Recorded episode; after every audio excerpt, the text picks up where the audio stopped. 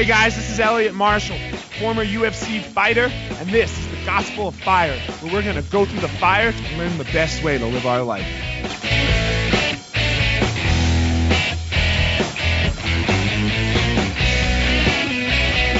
All right, guys, here we are back with episode five of the Gospel of Fire, and my guest today is is the lady who got this all started for us, for me. Um, Erin Weed is here with me. She, uh, I was recommended to Erin by a, a mutual friend who had worked with her in the past, and uh, God, it was, it was, it was, it was a match made in heaven, wouldn't you say, Erin? I would say so. I, I think that first time we sat down, I was like, oh, this guy's, he's going to be saying some awesome stuff. So let's do and, it. Uh, I met you, and, and my original goal was to do speaking, Mhm. which which I still want to do, which I still think I want to do. But um, but you took me to the direction of podcasting and and Book in a Box, who's by the way changed their name. Did you know Book in the Box changed their name? Oh, yeah, the Scribe Media. Scribe, yeah, Scribe Yeah. Media. So, um, and and both have just taken off for me in the last I don't know since since whenever it was that we met. So, thank you very much, Erin. Oh, you're so welcome. It, honestly, for me, it's it's such an honor to to meet people like you who have just big shit to say, and you're not holding back, and it's just unfiltered awesomeness. So I enjoy it. It's it's it's you know I, I think I think you're one of those people as well that we need to we need to be doing a little more of this in the world. You know, um, we're Right we're we're, t- we're too divided left and right, and and I'm right, you're wrong kind of stuff, and I think there's a middle ground, and I think uh, I think if we talk about it, actually, we might we might find some progress in the world. Right on. So, man, most of our relationship, I would say, has been you, um, you finding out about me, and I know so little about you. What, what? T- tell, tell me about you, Erin. Tell, tell us about what it is and what it is that you do. Well, I help people lead more authentic lives, and I try to help them in the personal life and as well as the work life. And I have this thing called the Dig, and it's really a process for helping people find their truth and narrowing it down to just one word. And I find that when people tell me their life story and I'm digging them and getting all these uh, amazing things that they do and what they've been through, and sometimes they're horrible stories, by the way, but nonetheless, there are these stories that make up who we are. And um, I basically look at what are the truths that are over all of these stories and try to nail it down to one word and help a person find bigger meaning in their life by getting to that one word Why do you like one word? because life right now has gotten way too complicated. And when things get complicated, it gives us an excuse to be paralyzed and to not move forward with things. And so the hyperdistillation, I also find that people are incredibly relieved to have one thing in their life that's just simple and clear. And I often tell my clients that at any given moment in your life, you are either moving toward your word or away from it. Huh? What? I, I think I agree with you, but tell me why. Why? Why can't? Why can't we just be stagnant? I personally see stagnancy as moving away from. Okay. Now, let's take you for example. Do you Yeah. want to tell people your word or you want to keep it secret? My word is power. I, I, I, my word's power. No, it's not a secret. I don't keep anything a secret. Okay, so tell, tell me what do you think about Se- power? Secrets don't make friends, Erin. Secrets don't make friends. That's true. Um, So, what do you think about power? I mean, what's your relationship to power? Oh, God, people. Well, I, I would say for me personally, people look at me and they go, "God, that's a powerful guy, right?" I'm 245 pounds. I mean, like a quick Google search brings up like me punching somebody in the head, you know. Um, so so it just kind of encompasses like the the exterior thing. Uh, the the exterior um, impersonation of me is what I was, or I don't know what that word is. The exterior, what what people think of me, impression. Sorry, and then uh, I didn't have any true power until recently, and and I found mine, and once I found mine, it's been my goal to help people find theirs. So it's it, it keeps it very simple for me. Exactly what you said. Um, am, am I helping? Am I am I finding my power, and am I putting pressure on you to find yours? Exactly. So, at any given moment in your life, you are leading either a more powerful existence or a less than powerful existence. This is true. This is true. Give me what's your dig word? Did you ever dig yourself? Well, I trained somebody to dig. I have a few people I'm who are my apprentices, and so one woman did do a dig on me a few years ago, and my word is authentic. Okay. And so, at any given moment in my life, I'm either becoming a more real version of myself or becoming a more inauthentic version of myself. Now, the thing to know about the word, though, is that once you get to your word, it is your superpower, but it's also the thing that is just your dark side. God damn, how did you know that about me? and 100% of everybody else I've done a dig on because this is the thing. It's like, I truly believe that this word, and, and it's not about the word itself. It's just like we're all we're all spirits and bodies that are living a life at this time for some kind of purpose. And I believe that our souls come into this world and we are on some kind of mission. And the mission is to learn about this word. And so the learning, that's the important verb right there. I don't feel like we're supposed to come into these human bodies to be happy. I don't feel like whatever bigger power is out there, that's the goal for us to be happy. I feel like we are here to learn things. So we're going to learn by being a teacher and we're going to learn by being a student.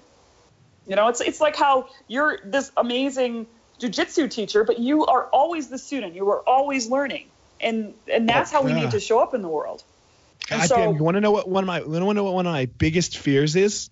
Hmm. Is people people tend to look at their uh, their jujitsu teachers, their teachers, especially especially martial arts. They tend to look at their martial arts teachers like messiahs.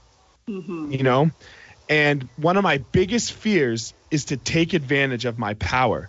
Like I literally just talked to my therapist about it yesterday, about some things that I that that have gotten back to me about some students who who I could I could take advantage of my power and God and like I was like, look, I I have to make sure that I never do this. And it, it is literally one of the things that I am constantly like worried about stepping over. That is so crazy because you've never said that to me that it's, it's our dark side as well. Because fuck, it's my mm-hmm. goddamn dark side. Yeah. It's it's right there for me to do. It's it would be so easy for me to do. So easy. And I mean, uh-huh. in, in, uh-huh. my situation, even though I'm this person who, I mean, I've built this whole livelihood around getting to people's truth, and my word right. is authentic. So yeah, I'm really, really fucking good at it. And if you ask me what I want for lunch today, like I'm probably gonna have a hard time figuring that out. You know, like what mm-hmm. do I really want? Like what is like really being called forward for me right now? And it's it's a struggle I have all the time just what I want? What do I want for my business? Like, how much money do I want to make? What, I'm, I'm single right now. What kind of partner do I want? You know, and I'm like, well, that could right. work and that could work and that could work and he could work. and right, what right. do you want? You know, and I struggle with that. So everybody has a word, everyone has a struggle. And that is the power though. Like that's the learning. I don't feel like the goal should be to move away from the dark side. It should be to embrace the dark side. Like for someone like you, who is so powerful and is so admired by people, to to learn how to navigate power. And then you become the teacher to others on how to lead with their power too. Mm-hmm. Sometimes through your failures, which you, yeah. one of the things I admire most about you is how, how public you are with your failures. Uh, it was forced upon me, right? Like, for, you know, when, when I wasn't so public, sometimes like the, uh, like 2 million people watched me get beat up, you know? so like to say that, um, like that. I mean, it's it's the reason that I loved fighting was because people you couldn't run from them. It, it was right there. You you couldn't deny what the truth was.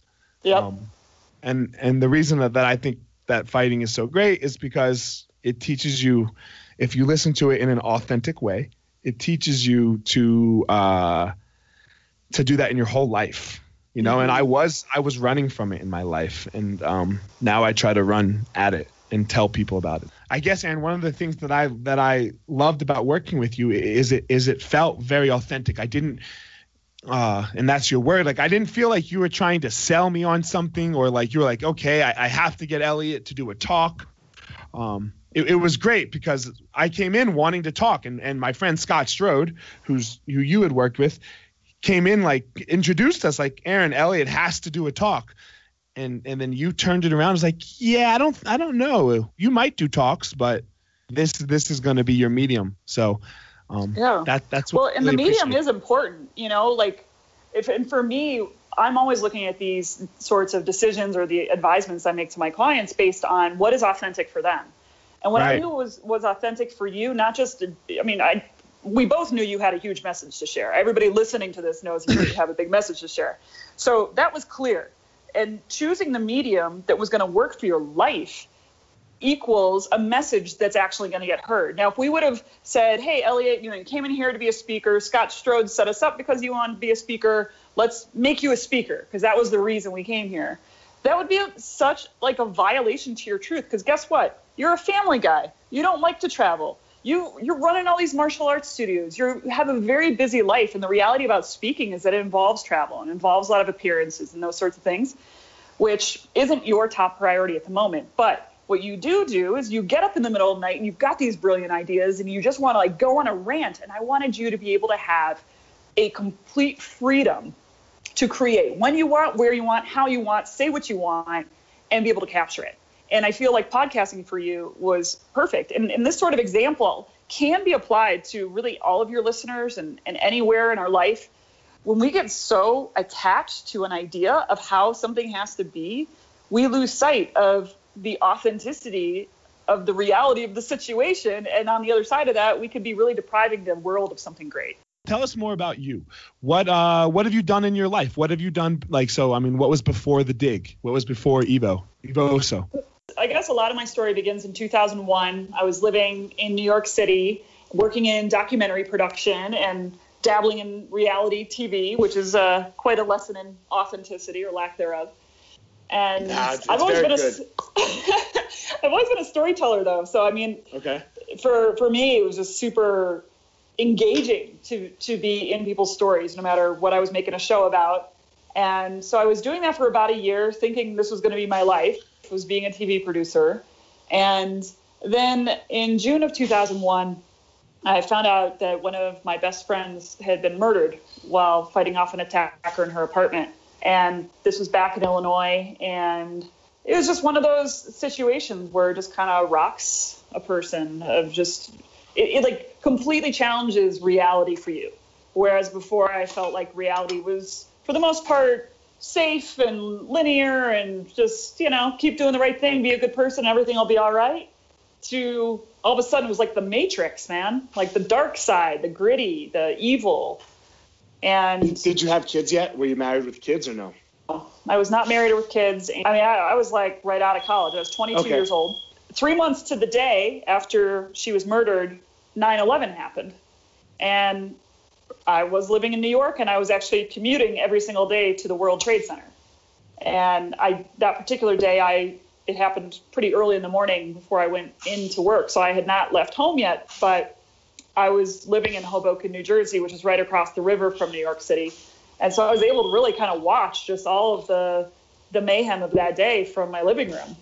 And so within like a 90 day period, I had just this completely unsettling experience of violence in my personal life and then this terrifying national experience of mass murder happening basically across the river from me and it was just that kind of struggle. I feel like sometimes there's such a gift in our lives because we're able to get leveled, you know?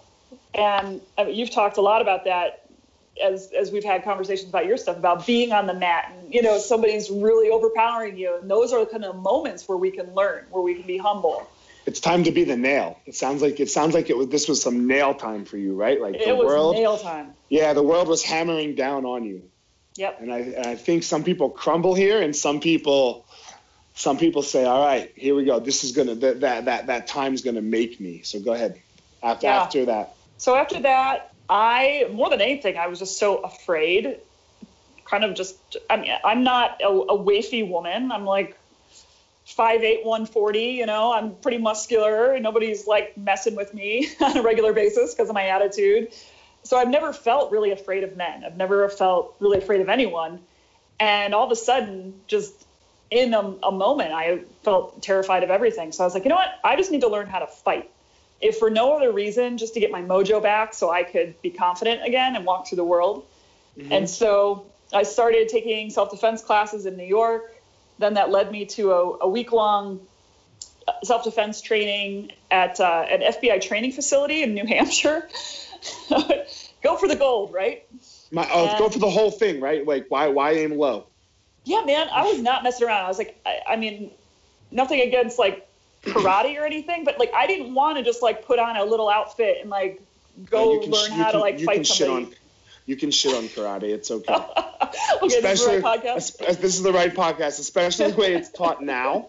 Okay, like maybe maybe 60 years ago, all those dudes were badasses, and if like if if, if you're at a school where they stuck with that, then cool. But yeah, mm-hmm. no, okay, you can shit on karate all you want. well, you know, it's almost like I'm kind of shitting on a lot of martial arts that aren't reality based because really all I cared about, I didn't want to get a black belt. I wanted to not be raped and murdered while I slept. Right, and right. these are very different goals for for coming to training. And I feel a lot of women feel that way. You know, like most women that I know, like a big driver in, in, learning how to fight is fundamentally just wanting to know how to save our lives. It's not for the pure enjoyment all the time of like that kind of contact. For some women, I'm sure that is the case, but no, I, would agree with you, and I, I think it's one of those things. Uh, I hate, like, I absolutely hate like women's self-defense seminars, where they where, where you bring a woman in or, or a group of women in for a weekend and show them these moves that they're never going to do again you right. know and, and i'm just like that is going to get you killed because right. really what you should be trying to do. If, if you're only going to do this weekend thing you should still just run away. Just run run. Run is going to be your best option of saving your life which i would still say for almost 90% of people even the trained ones is, is get get out of the situation. Like don't be in the situation. Now if you're in it now we're talking a whole different scenario so. Well, yeah, and, and the reality, especially for women, and, and this is I dabbled in, in jiu-jitsu for a while solely for the purpose of learning to ground fight because over 80% of attacks against women go to the ground within minutes. And mm-hmm. maybe within seconds because that's where a man knows in a lot of cases an attacker knows he's going to be able to dominate a woman. But now if you turn the tables i mean women could be such amazing fighters on the ground because now you're fighting with your legs and your ass and all the you know where your power is you know versus like going bicep to bicep with a guy. That's just well all of us are amazing fighters on the ground if you know how to do it. True you know and and the, your statistic of 80 is it's actually 92 92 oh, 90 90 well it's, it's part of it's one of our selling points 92% of all and i won't say just against women again 92% of all altercations end up in a grappling type scenario so mm.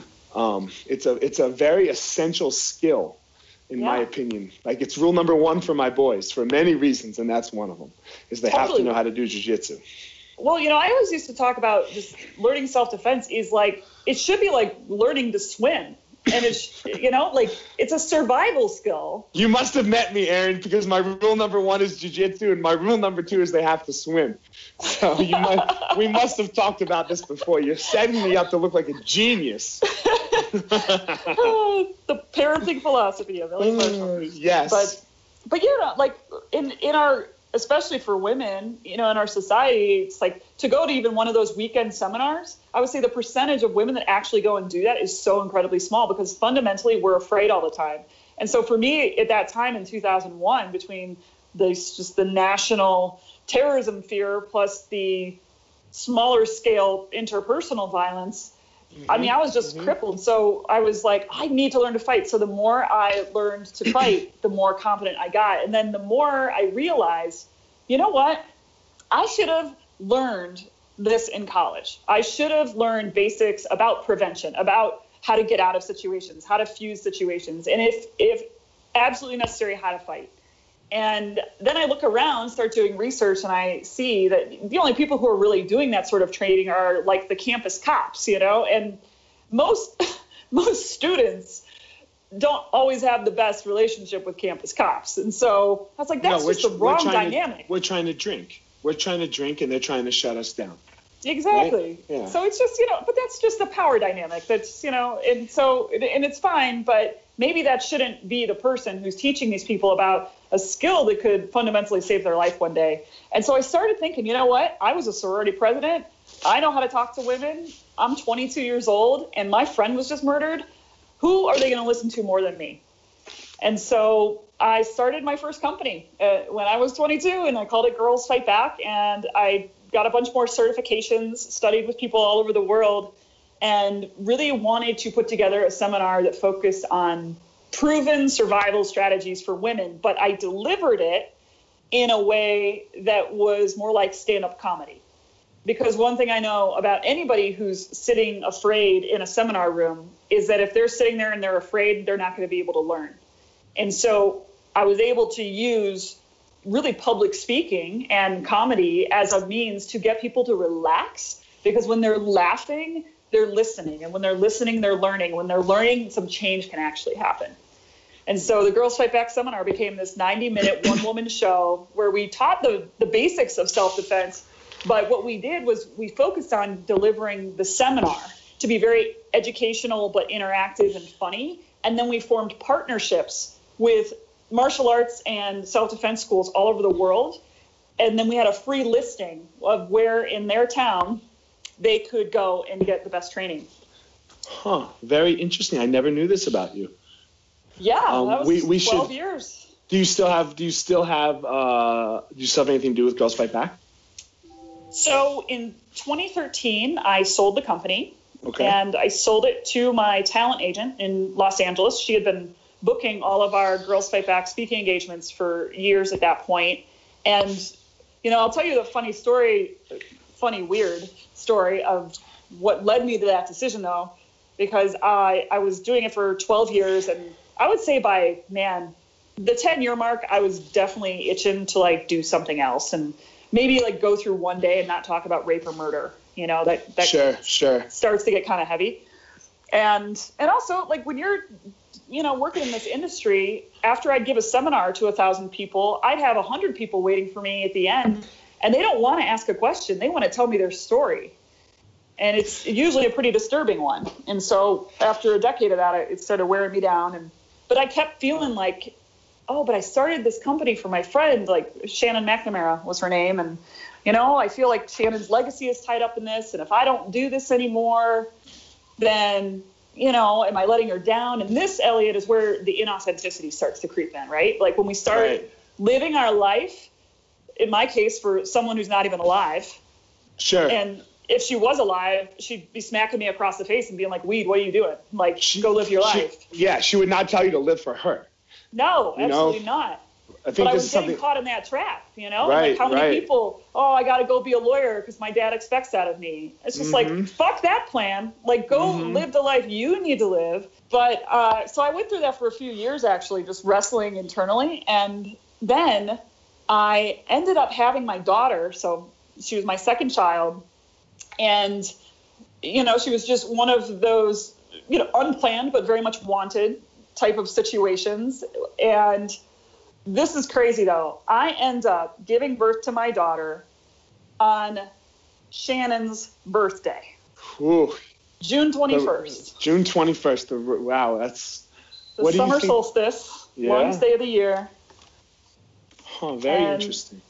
I know. I mean, like totally, you can't couldn't have. And I'm I'm not a God believer, right? I'm not a you know that's just not how I roll. I'm not uh or like a God that cares about us anyway, you know. So that I, but the, but these kind of situations are always very random and and make me think. They make me think. Erin. so what do you think about that? Well, you know, I I made two calls right after she was born. First, I called my mom, and then I called Shannon's mom. Okay. And I just remember like just crying on the phone with Shannon's mom and just being like, I, I feel like Shannon's like saying it's okay to go, like it's okay. And and Cindy's like, Shannon wants you to do whatever you want to do. And and I just remember having this like beautiful baby in my arms and talking to Shannon's mom and just like having a moment of like, okay, it's time to let go. And so I ended up selling Right. the company and and the Evoso thing, which is my current company, came about because I, after I sold my company, I was like, well, what do I do next? What do I know how to do? Doing the assessment of your skill set, you know, when you're out of a Sure, job, sure. essentially. and I was like, well, I know how to speak. That's something I've done in front of a million people over the past 12 years, so I can do that in my sleep. Let's go. And TEDx Boulder was having an event soon. And so I reached out to them and was like, hey, do you need a coach? They were like, yeah. Matched me up with a woman. And I did on her, which which you now have experienced as the dig, which is essentially this interview process to get someone down to one word, and in the process, though, extracting all of their best content, stories, lessons, bigger universal truths, and putting them into a flow that feels really good to communicate and really clear. And so I did this for a few TED speakers, and then they started going viral. And I was like, all right, I think we got something here. The the speakers went viral. Is what happened? Yeah, yeah. The Okay. speakers went viral. Who are they? and, Uh, one of them was Erica Napolitano. Okay. She was my first client ever, and Okay. she is a she was a pretty public person, and actually ended up blogging about my like my process, which at the time I didn't even have a name for.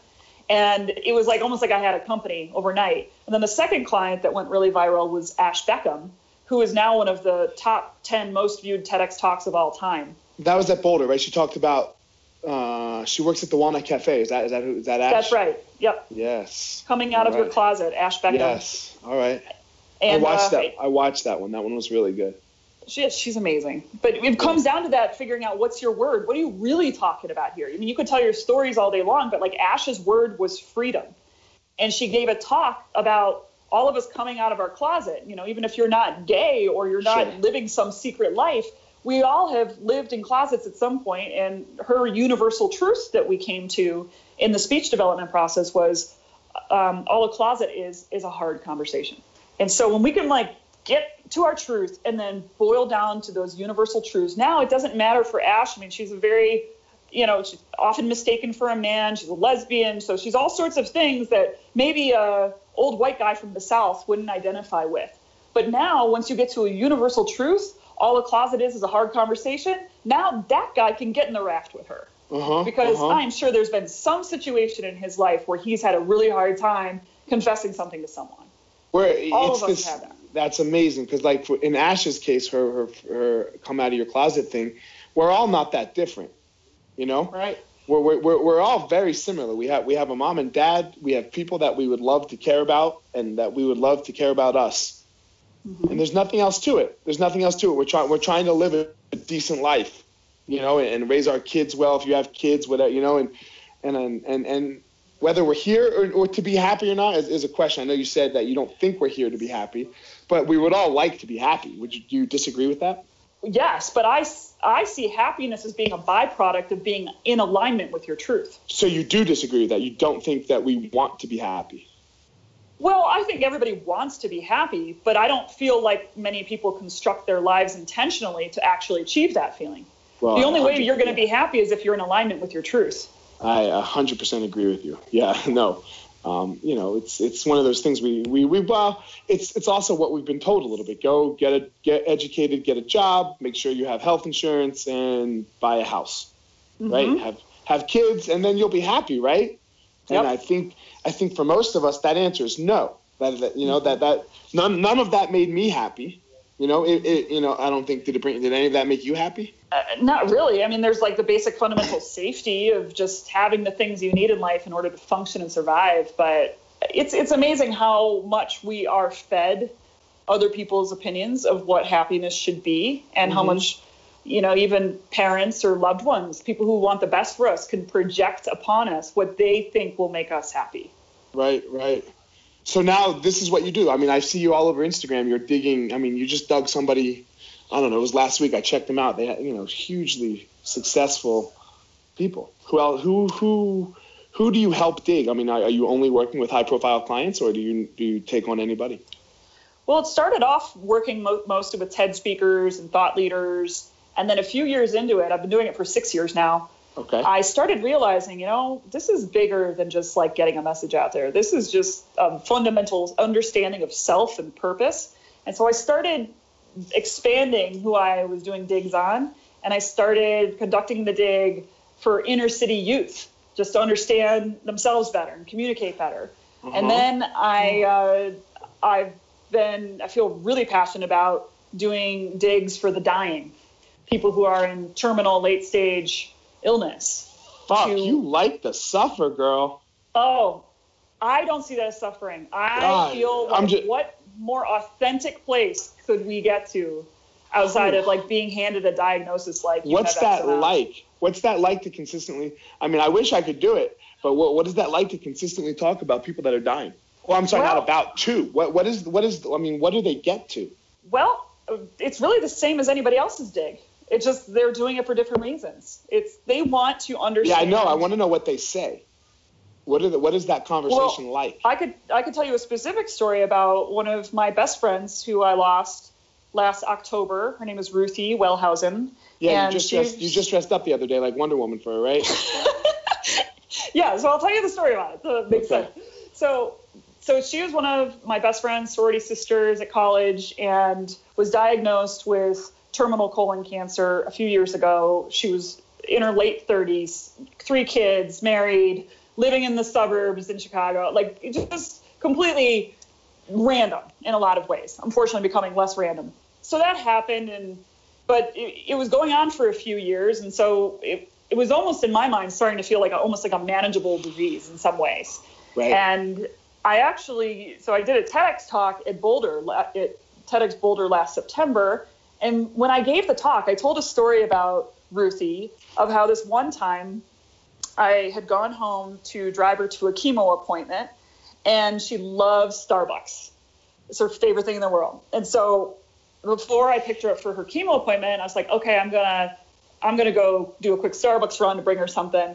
But that particular day, I thought it'd be funny. Like I get these random last minute ideas. I was like, she loves Wonder Woman. It's like her heroine. It was like her whole brand of fighting her illness. Everything was Wonder Woman.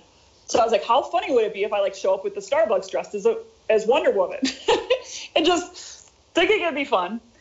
But then I was like, okay, well now I'm dressed as Wonder Woman. I have to go into Starbucks, and it's like a very corporate kind of Starbucks location. Everybody in there is wearing business suits, and it's a Friday Where are, are morning. you are you in Chicago?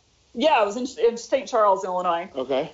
And I was like, so I'm sitting in my car. I'm like, okay, am I am I really gonna do this? Am I gonna go into a Starbucks dressed like this? You know? And I was like, fuck it, let's go. And so I walk into this Starbucks and like the, just record player screeching. Everyone stops and looks at this woman in like full Wonder Woman gear. In Boulder, you can get away with that kind of stuff. In Yeah, well- suburban Chicago, you're gonna turn every head in the room.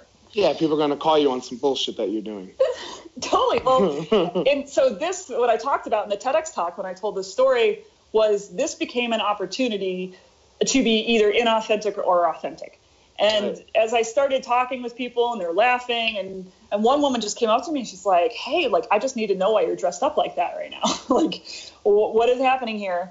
And in my head, I'm thinking to myself, "Okay, do I really like throw down this whole dark story of why I'm really here and what I'm really doing?" And you know, how many times do we filter from the perspective of I don't want to be too much, or Sure. I don't want to depress somebody with what's really going on with me. And so there was like in a flash, it was all going through my head, like, and this question of how real do you want to be? I was like, I want to be real. I don't know who this woman is, but she asked me a direct question. I'm going to give her a direct answer. So I looked her in the eyes, said, Hey, you know, I have one of my best friends who's got terminal cancer, and I am taking her to chemo today, and I just wanted to brighten her mood a little bit. And so here I am at Starbucks, going to bring her a drink, and there we go.